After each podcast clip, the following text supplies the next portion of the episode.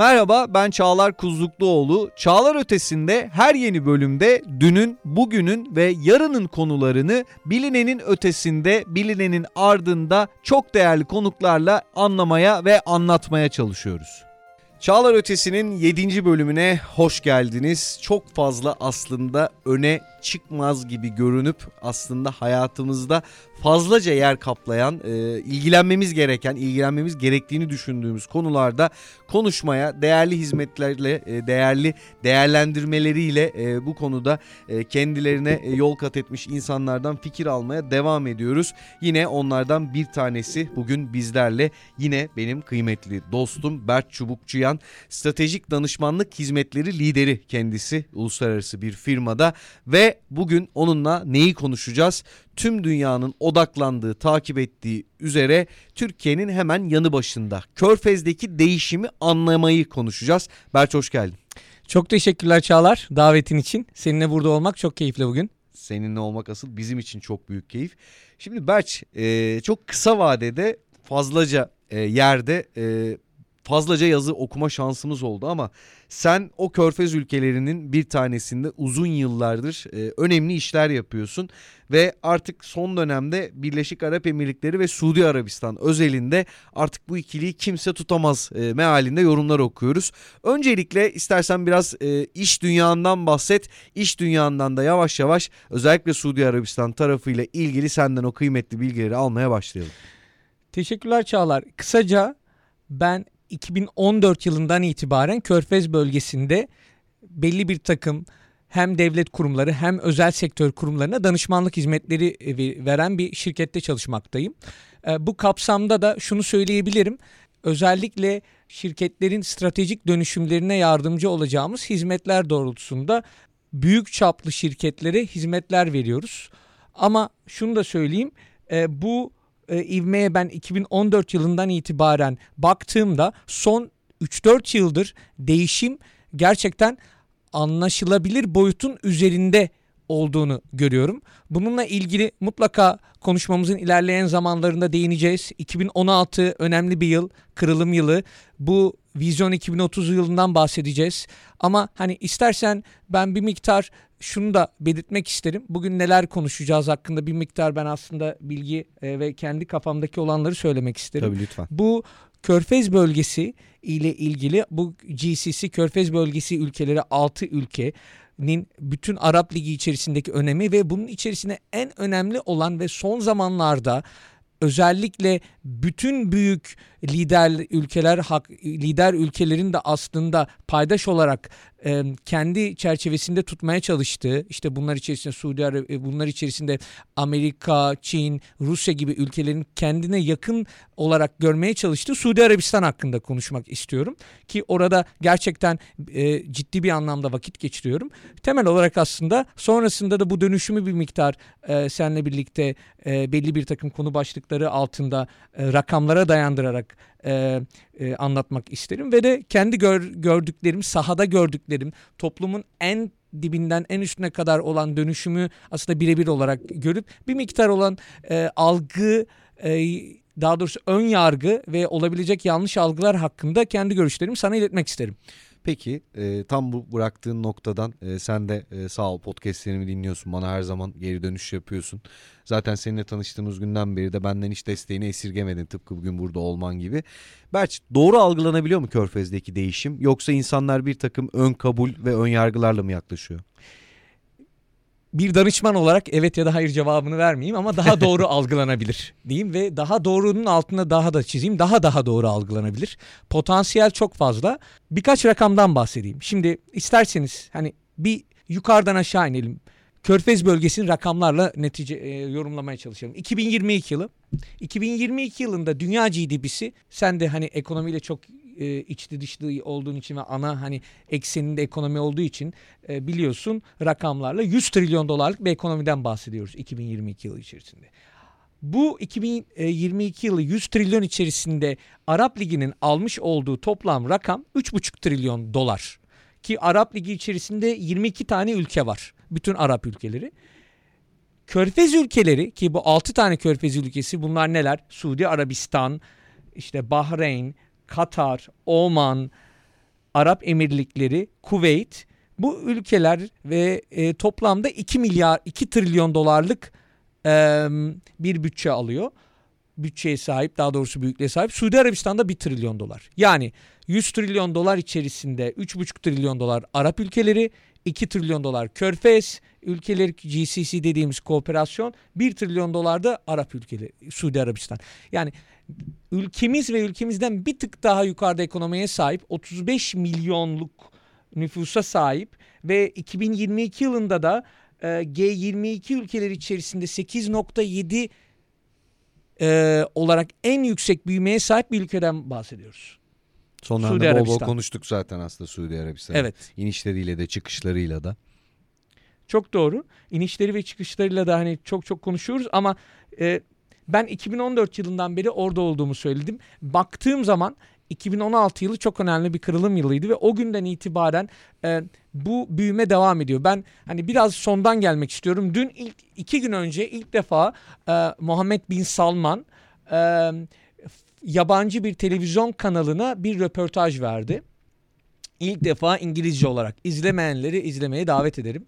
Ee, ben röportajı izlediğimde tekrardan e, Vizyon 2030'un nasıl bir değişim yaratacağını e, ve o yarattığı değişimi görerek aslında e, şaşkınlıkla izlemeye devam etmeye başladım. Şimdi Vizyon 2030'a biraz daha detaylandıracağım ama istersen ondan öncesinde e, bir miktar e, şeyden bahsetmek lazım. E, Vizyon 2030 neden önemli? E, şimdi Vizyon 2030 aslında e, şöyle 2016 yılında yayınlanmış bir e, ne diyelim dönüşüm programı. E, bu dönüşüm programı içerisinde de 6 tane temel hedef, 96 tane stratejik hedef mevcut ve 3 tane temel temaya oturmuş seviyede. Bu 3 tane temel tema nedir?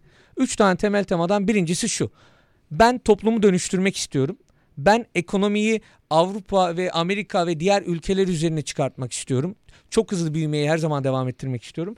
Ben bunu sürdürebilecek güçlü, hırslı bir toplum yaratmak istiyorum. Üç tane temel nokta var aslında. Şimdi bu temel noktalar içerisine baktığımız zaman da e, bunun altında birçok programlar var ve bu programları hayata geçirmek için de 12 tane de temel e, ne diyelim programlar oluşturmuş durumdalar. Bunların içerisinde en çok bilineni söyleyeyim PIF diye geçiyor Public Investment Fund. Bu bizim Türkiye'deki varlık fonu gibi bir fon ama şu an sadece 5-6 yıl içerisinde yapmış olduğu toplam yatırım neticesine sahip olduğu mal varlığı 700 milyar dolar.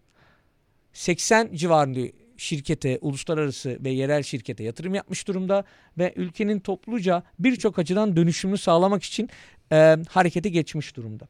Ve buradan baktığımız zaman bu vizyon 2030 birden fazla layer'da e, ne diyelim çerçevede dönüşümü sağlarken asıl birkaç tane burada nokta var. Bu değişimin temel noktalarından biri biliyorsun e, bu ülke petrol bazlı e, ne diyelim fosil yakıtlar bazlı gelirini sağlayan bir ülke ki körfez ülkeleri o şekilde.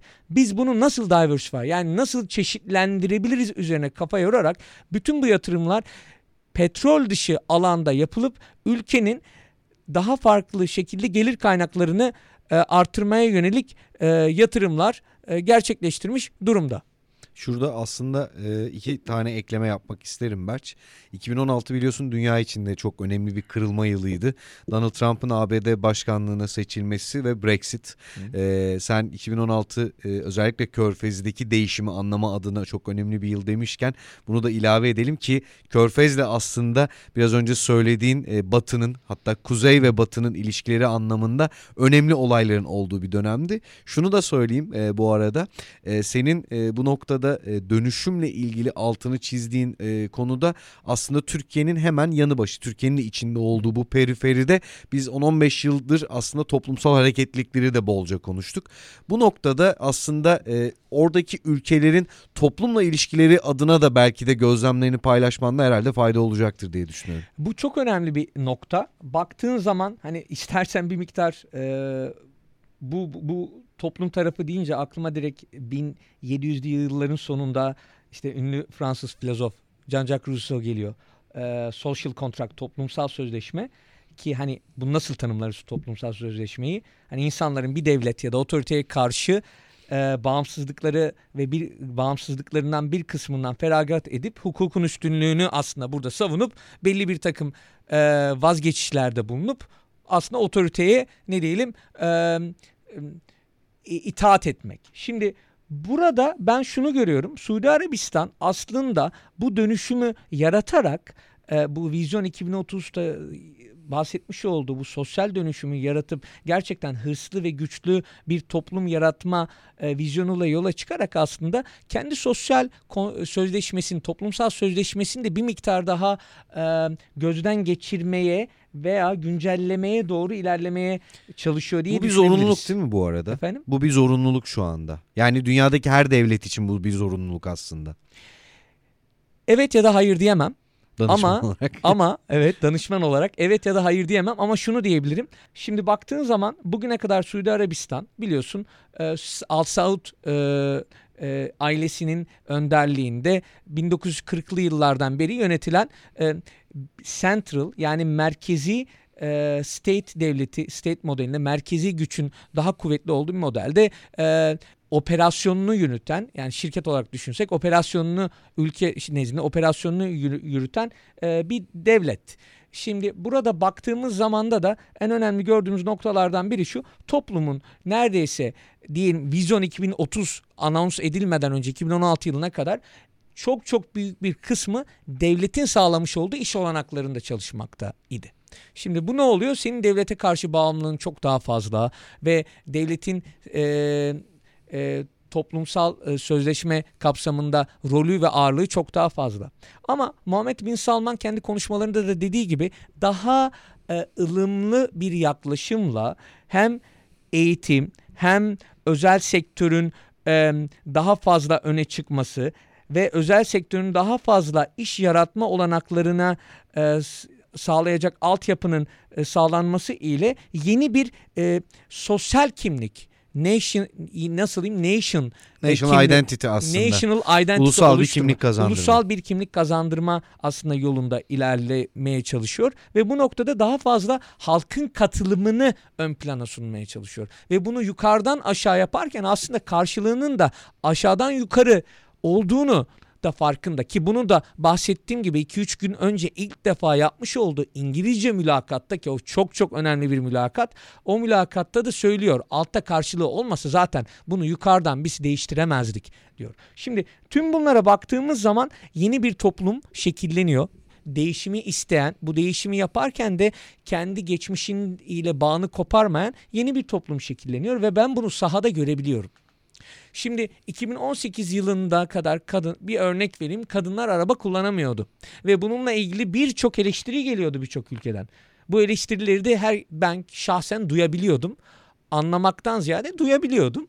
Ee, belli bir ölçüde de anlamlandırabiliyordum. Ama öbür taraftan baktığın zaman şunu söylemek gerekirse Çağlar 2018 yılında kadın araba kullanmaya başladı. Şu an iş dünyasındaki katılımı %20-30'u geçti. Kadınların iş dünyasına katılımı. Kesinlikle. Ve şu an ben Suud iş kadınlarıyla çalışıyorum. Onların gözündeki o hırs, onların gözündeki o yaratma çabası gerçekten e, e, şahit olunması gereken bir durum.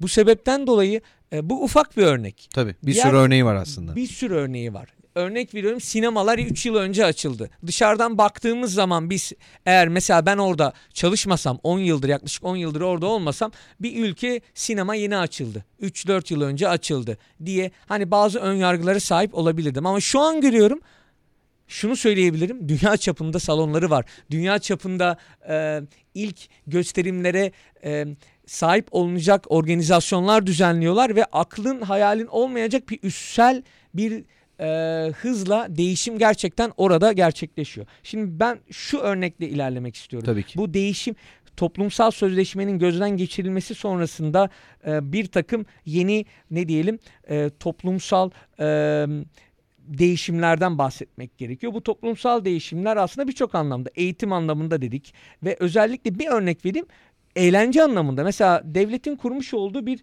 e, Seven isimli bir bahsettiğim gibi Vizyon 2030'a bağlı bir e, inisiyatif var. Bir program var. Bu programdaki temel amaç spora yatırım, eğlenceye yatırım ve turizme yatırım. Yani sosyalleşme ve e, hem iç hem dış toplumsal bir takım temas noktalarıyla aslında insanı merkeze alan bir sürü şeyden bahsediyoruz.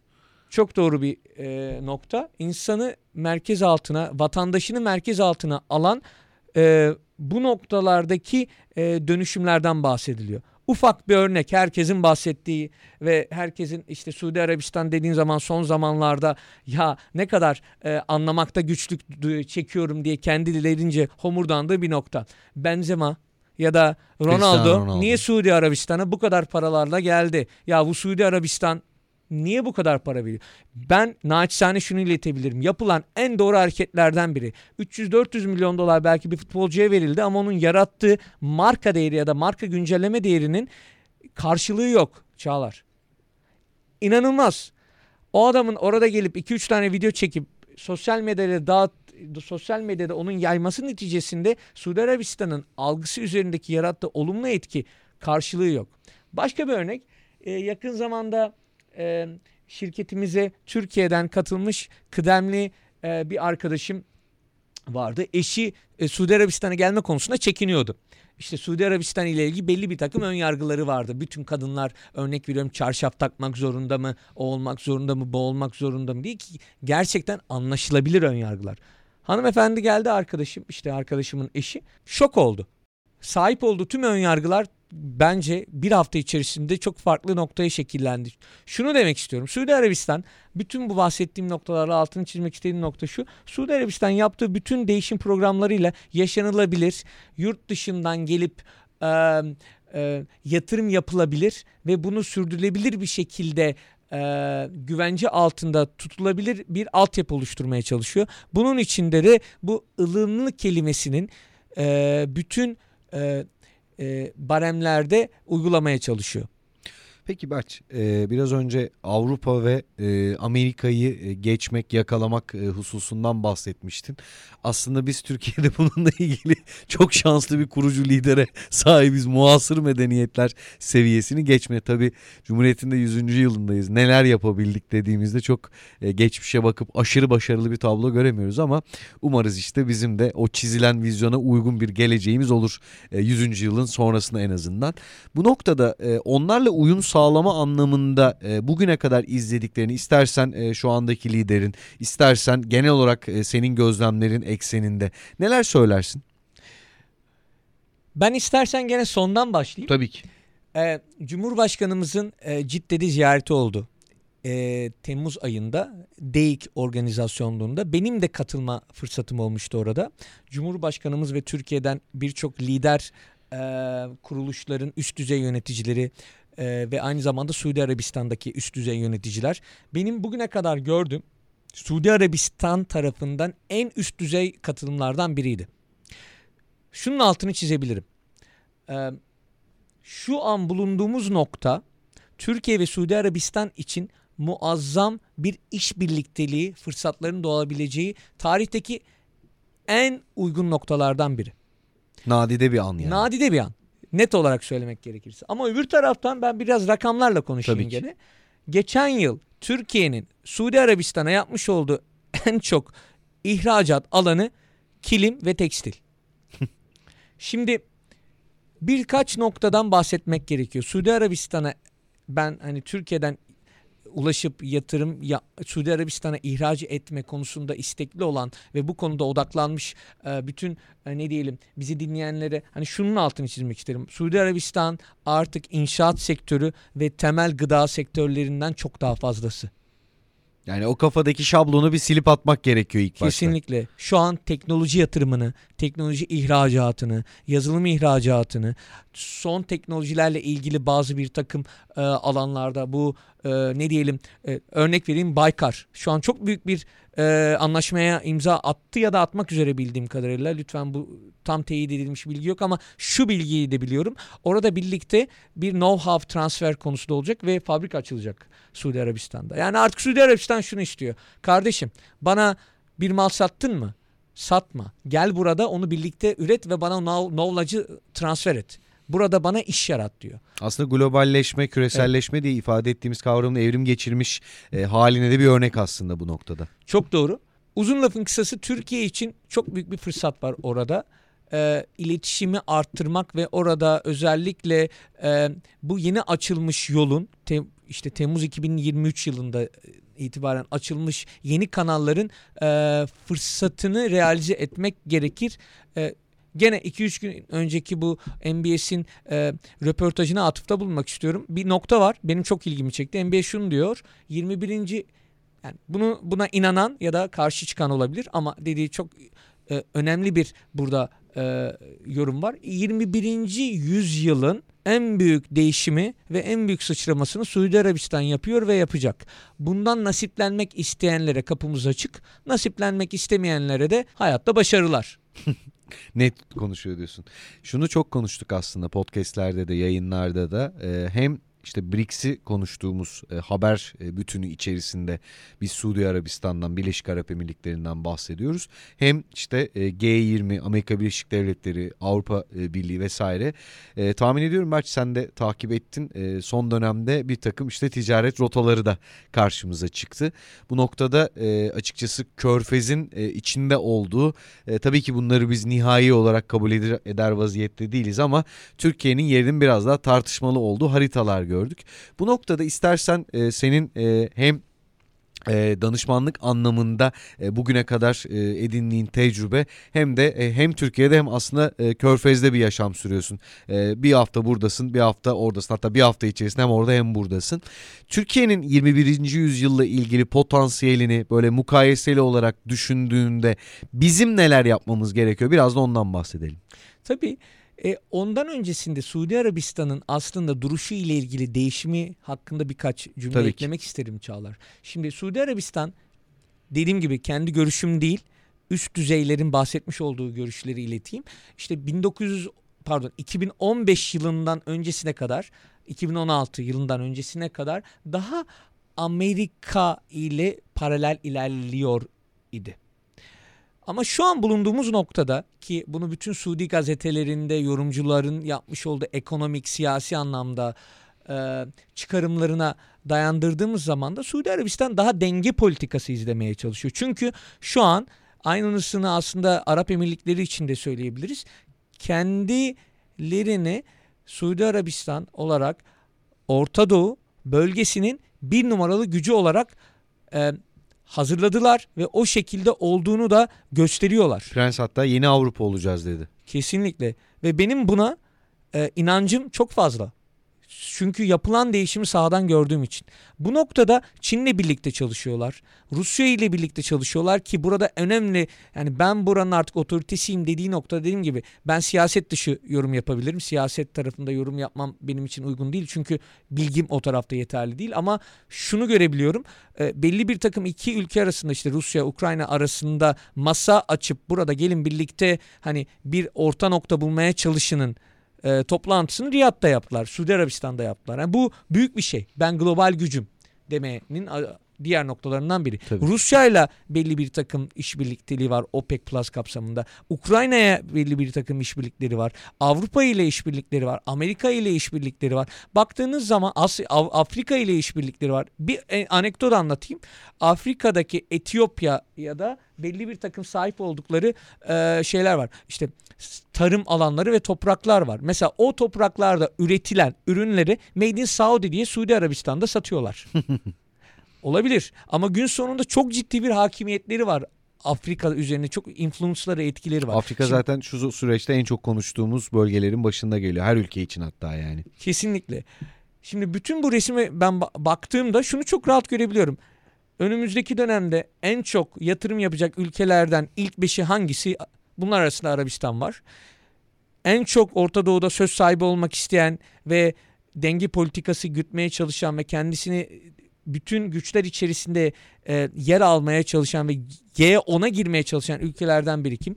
Suudi Arabistan. E bunların altı alta topladığım zaman matematik bana şunu gösteriyor.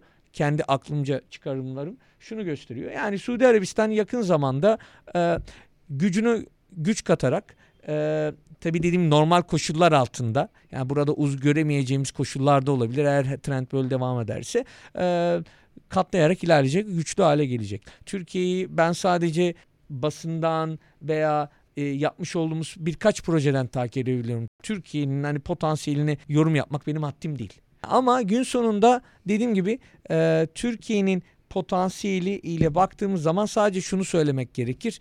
E, bizim özellikle teknoloji alanındaki yatırımlarımızı e, ve teknoloji alanındaki ihracatımızı arttırmamı, arttırmak yönünde e, gerçekten ekstra çaba harcamamız gerekiyor. Ve Körfez bölgesine yakınlığımız da avantajını kullanmamız gerekiyor. Yani buna bir şekilde hele hele Türkiye gibi bir ülke söz konusuysa mevzu bahis kayıtsız kalma gibi bir lüksü yok hiç kimsenin öyle değil mi? Kesinlikle. Ve burada şöyle bir avantaj daha var. Biz liyakata sahip yani yaptığımız işi gerçekten iyi bir şekilde yapacak e, insan sermayesine, insan kaynaklarına sahibiz. Aynı zamanda Körfez bölgesinin sahip olduğu kültüre de hizalanabilecek bir toplumsal kültürel yapıya sahibiz. Bunları alt alta koyduğumuz zaman Suudi Arabistan, Arap Emirlikleri ve diğer e, dört e, Körfez bölgesi üyelerinin içerisinde e, yer alabilip orada çalışabilecek ender toplumlardan biriyiz. Çünkü görüyorum Avrupa'dan gelen, Amerika'dan gelen, Çin'den gelen e, şirketler toplumsal olarak e, sahip olunan normlara ayak uyduramamaktan zorlanıyorlar. Ama biz çok uygun bir şekilde orada hizalanıp ticaret yapabiliriz, adapte olabiliriz ve bunu sürdürebiliriz. Buradaki hizalanmadan kastını istiyorsan bir parantez açalım. Türkiye'nin adaptasyon kabiliyetinden bahsediyoruz. Yani biz hem Avrupa'nın e, hem ticari hem kültürel anlamında periferisinde hem Orta Doğu'nun hem de bir nevi aslında Asya'nın e, merkezinde olan e, daha doğrusu Asya, Orta Doğu, Avrupa e, bir ülkeyiz ve bu noktada da diyorsun Türkiye'nin hem potansiyeli hem esnekliği e, ticari, iktisadi, sosyal, kültürel anlamda e, bu noktada avantajlar elde etmeye çok müsait müsait diye. Peki e, son viraja girdik artık Berç. Bu noktada özellikle kısa ve orta vadede neleri konuşuyor olacağız bu körfezdeki değişimi anlama adına. Bunun dışında da bahsetmek istediğin önemli anekdotlar varsa onları da alalım senden. Tabii e, kısa ve orta vadede özellikle Suudi Arabistan'ın bu dönüşümü hızlandıracak çok mega projeleri var. Bu 5-6 tane mega proje var. Her yerde duyduğumuz mega projeler. Bunlardan bahsedeyim. Bir Red Sea projesi. Bu Red Sea e, aslında Kızıldeniz'in en üst e, ne diyelim e, kuzey tarafında kalan Suudi Arabistan'ın da e, kuzey e, batısında kalan bölgede kurulacak yeni şehirler ee, bunlardan ziyade bir tane daha Neom projesi ki hepimizin bildiği New York büyüklüğünde yeniden bir şehir kurulması. Ki Neom içerisindeki başka diğer bir şehir The Line projesi ki bu 170 kilometre boyunca gelen uzunluktaki projeler. Ee, uzunluktaki yeni kurulacak şekildeki proje. Kittia denilen ayrıca başka bir proje var ki bu projenin temel amacı da işte Riyad'a 50 kilometre uzaklıkta işte e, eğlencenin, sporun ve e, sanatın yeni bir merkezi olacak yeni bir şehir kurmaktan bahsediliyor. Onun dışında Diriyah Diriyah denilen bir yeniden bir şehir kurulmaktan bahsediyor. Doğrusu tarihi bir yer. Oranın yeniden gözden geçirilmesi ve tekrardan e, e, turizmin arttırılması için kurgulanmasından bahsediyor. Roche denilen yeni bir e, real estate e, e, gayrimenkul projesinden bahsediyor ki bunların yani rakamlarla söylemek gerekirse hepsi e, onlarca milyar dolarlık ülke projeler. Ülke büyüklüklerinde projelerden bahsediyoruz evet. aslında. Bazı ülke boyutlarından. Şimdi e, bunlara baktığın zaman e, bunların altyapılarından tut teknolojik gereksinimlerine kadar birçok açıdan çok büyük projeler ve ihaleler var. Burada bizler için büyük fırsat var Çağlar.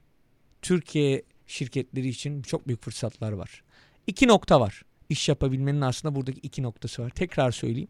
Bir, liyakata sahip olmak. Yani yapılan iş ihtiyaç doğrultusunda o alanda ciddi bir tecrübeye sahip olmak. İki güven esası olmak. Bana şu çok geliyor. Şunun altında çizmek istiyorum. Tabii ki buyur. E, çevremden. İşte Suudi Arabistan'da iş yapmak istiyoruz. Bunu satabilir miyiz? Suudi Arabistan'da işte e, iş ortaklığı yapabilir miyiz? Yani bu gerçekten çok kolay değil. Suudi Arabistan'da iş yapabilmek için orada paydaşların, müşterinin, ekosisteminin güvenini kazanmak gerekiyor. Ya gelip sahada olmak gerekiyor ya da o sahada olan e, iş ortakları ya da ekosistem ile çok ciddi ilişkiler kurmak gerekiyor. Yani burada biz e, Türkiye'den iş yapmak istiyorsak bir alanımızda gerçekten global arenada global arenada savaşacak rekabetçi avantajımız olması gerekiyor hangi alandaysak. İki ve en önemlisi e, Suudi Arabistan'da e, tabiri caizse vur kaç mantığıyla değil sürdürülebilir e, ve kalıcı ilişkiler kurgulamak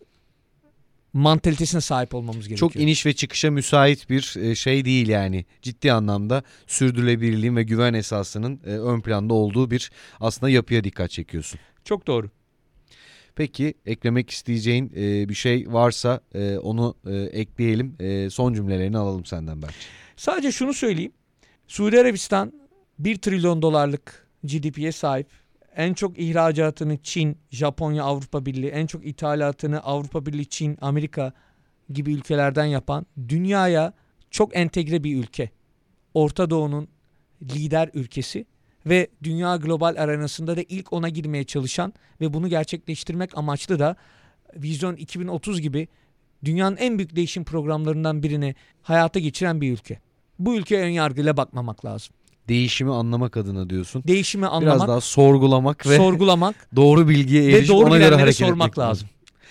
Evet, stratejik danışmanlık hizmetleri lideri Berk Çubukçuyan bizlerle idi bugün ve e, yine e, önemli hayatımızda çok fazla yer kaplayan ama yakından bakınca açıkçası detaylarının fazla olduğu bir konuyu kendisinden dinledik. Çağlar Ötesi'nin 7. bölümünün de sonuna geldik böylelikle. Bana konuklarımız konularımızla ilgili ckuzlukluoğlu.bloomberg.ht.com adresinden ulaşabilirsiniz. Ben tekrardan teşekkür ediyorum. Teşekkürler Çağlar. Tekrar görüşmek üzere. Esen kalın.